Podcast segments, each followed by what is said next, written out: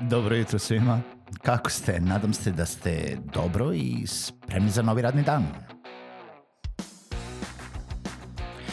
Pozdrav svima i dobrodošli na podcast Male pobede, stari novi podcast koji, well, koji je tu da bi vam kroz pitanje i savete dao motivaciju, pokrenuo vas u pozitivnom smeru i pomogao da ovaj dan počne bolje, jače i možda čak i zabavnije. Moje ime je Željko Crnjaković.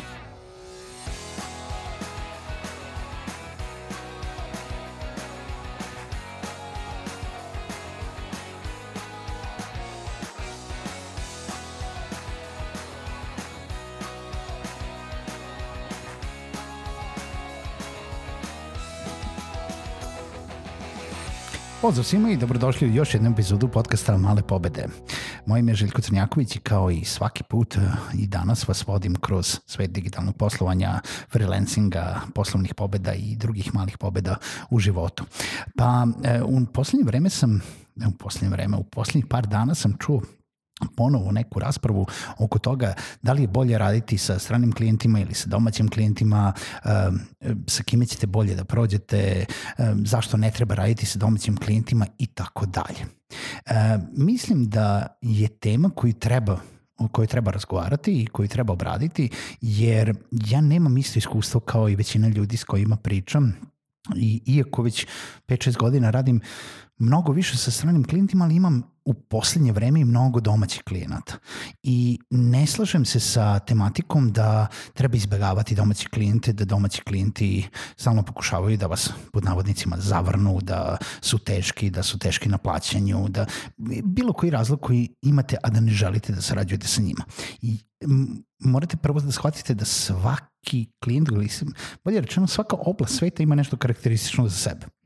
Pa tako mi u Srbiji imamo nek, neku karakterističnu narav ili imamo možda neko drugo poimanje oko toga da li radimo sa strancima ili radimo sa uh, jel da nekim od naših isto tako i klijenti kada rade sa vama, zato, zato kažem, ne obaziram se na to da li vi radite sa domaćim klijentima, nego i klijenti vas hvataju drugačije ukoliko su se oni odlučili da uneme nekoga iz jednostranstva ili da uneme nekoga lokalno. Sa jedne strane to može biti mnogo bolje nego da ste jako daleko. Sa jedne strane mnogo, možete mnogo bolje da se razumete, e, možete da ponekad da se upoznate oči u oči i ja mislim da se sve više svodi na to šta tačno radite i koliko ste ekspert u svom poslu. Znači koliko uh, vi nudite u okviru vaših usluga ili proizvoda koje nudite s, s svojim klijentima, nebitno odakle su, i kako se postavljate prema njima. Naravno da ukoliko počinjete svoj neki, pogotovo freelancerski posao, eh, na neki način ćete bolje proći kada radite sa klijentima iz jednostranstva zato što se je standard eh, drugačiji. Standard je nešto viši na zapadu i možete možda bolje da prodate neke svoje usluge ukoliko krenete bez nekog prethodnog portfolija iskustva da se prodajete domaćim klijentima. Ne mora nužno da bude tačno zato što postoji domaći klijenti koji uh, hoće da probaju nekog novoga, hoće da daju nekome šansu, ali ako pričamo isključivo o cenama, možete bolje da prođete ukoliko ste na samom početku, da imate jel da, neke strane klijenti, da se kao freelancer bolje prodate u inostranstvu, jer jednostavno satnice su veće uh, za neku osnovnu uslugu koju možete da nudite. Sa, druge, sa treće strane, već uh, kada dođete do određenog nivoa, kada dođete do određenog kvaliteta vaših usluga, tačno je sve jedno odakle su vaši klijenti. I sada kada pričamo o stranim klijentima, dosta ljudi uvijek pominje klijente sa zapada, iz Amerike, iz Engleske i iz engleskog govornog područja. Ali morate obratiti pažnju da inostranstvo je mnogo više od samo Amerike. Možete vi da imate klijente e, na zapadu, kao što je to Amerika, možete da imate klijente evo već iz Evrope, da li je to Austrija, Nemačka, Italija, e, možete da imate klijente na drugoj strani sveta kao što su, e, ne znam, e, Izrael, Kina, Japan, Australija i tako dalje. I sada shvati, shvatite odmah od starta da su mentaliteti i način poslovanja drugačiji u svakoj zemlji. Klijenti sa zapada uopšte nisu isti kao recimo klijenti iz Izraela sa kojima sam imao prilike da sarađujem. Izraelci i Amerikanci su drastično različiti. Isto imaju visok standard života i jedni i drugi. Mogu da dođu do toga da plaćaju sasvim kvalitetno za usluge koje vi nudite možda bolje nego što bi se prodali jel da, u sledećoj ulici u vašem lokalnom gradu. Ali način razgovora, način komunikacije ono što očekuju od vas kao, kao ne, pružavaca usluga, na drugi način vam prenose i e, možete očekivati veoma e, ili laganu ili tešku saradnju u zavisnosti odakle je klijent. Znači uopšte ne pričamo o tome da li su klijenti lokalni ili strani bolji ili lošiji. Znači pričamo o tome kakvu vi uslugu nudite, koji kvalitet usluge nudite i način šta, mislim, kakav je klijent sa druge strane e, koji taj uslugu prima i šta on očekuje od vas. Da li se mnogo meša u vaš posao, da li vam veruje, e, da li e, zanoveta, da li ima milion prepravki. To nije isključiva odlika samo domaćih klijenata. Ako pričamo samo o plaćanju, pošto obično je naj, uh, jel da, gori i najčešći problem sa svima, zašto kažu bolje raditi sa stranim klijentima nego sa domaćima, jeste to da se svi boje da će ih zavrnuti domaći za plaćanje.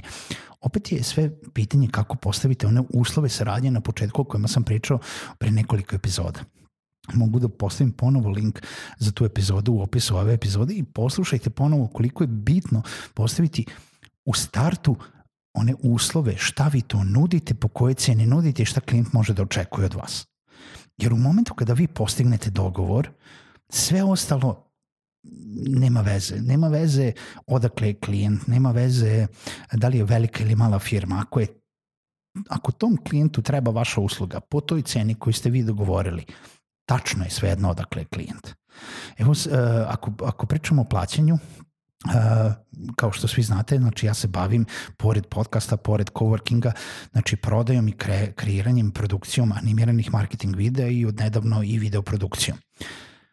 Nikakav problem do sada nisam imao sa domaćim klijentima, a poslednjih godina ih je sve više i više.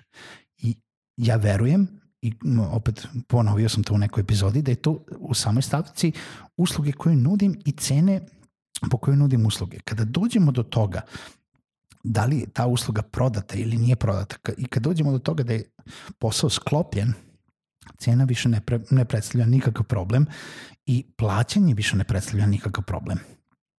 Niko do sada nije uh, jel da pod navodnicima zavrnuo ili ovaj, otegao isplatu ili ne isplatio neki deo koji smo dogovorili pod uslovima po kojima smo dogovorili.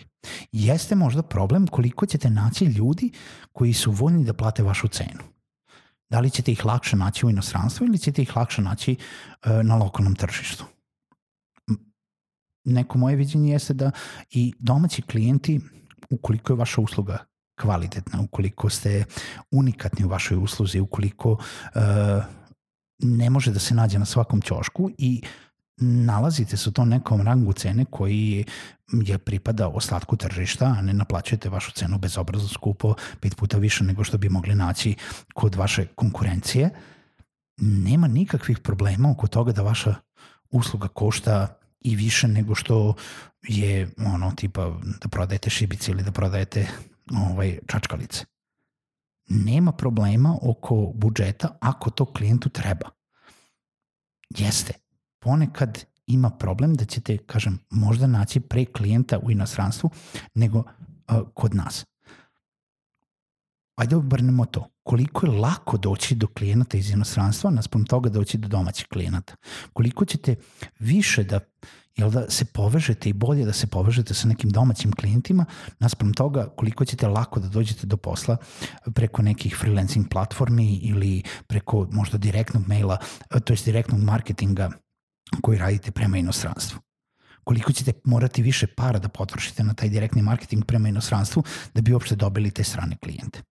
Nije to uvek uh, pravilne proporcije uh, i, i ovaj, nije isto kada se stavi na vagu.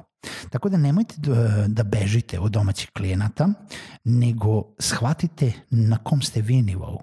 Shvatite to šta nudite, po kojoj cijeni nudite i šta imate da pokažete uh, i za vas da bi opravdalo to što tražite vas za vašu uslugu. Najveća razlika je u tome koliko imate referenci i koliko ste kvalitetni u svom poslu, šta možete da pokažete u odnosu na to za šta bi tražili određenu cenu. A to da li ćete da nađete domaćeg klijenta, klijenta sa zapada ili klijenta sa istoka, nije toliko bitno koliko možda se neki neće složiti sa mnom i slažem se da, da su imali i ovakva i onakva iskustva, ali nemojte da uzimate to kao stereotip. Uzmite to kao jedno iskustvo koje ste imali i nemojte da bežite od toga u zavisnosti gde, gde nađete posao. Posao je posao, vi ste preduzetnici, freelanceri i potrebno je da razvijete svoj posao gde god vas on odneo.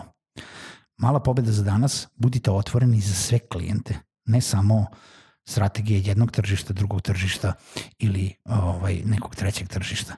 Imajte na umu šta vi nudite klijentima i kako to nudite. Čujemo se u narednoj epizodi.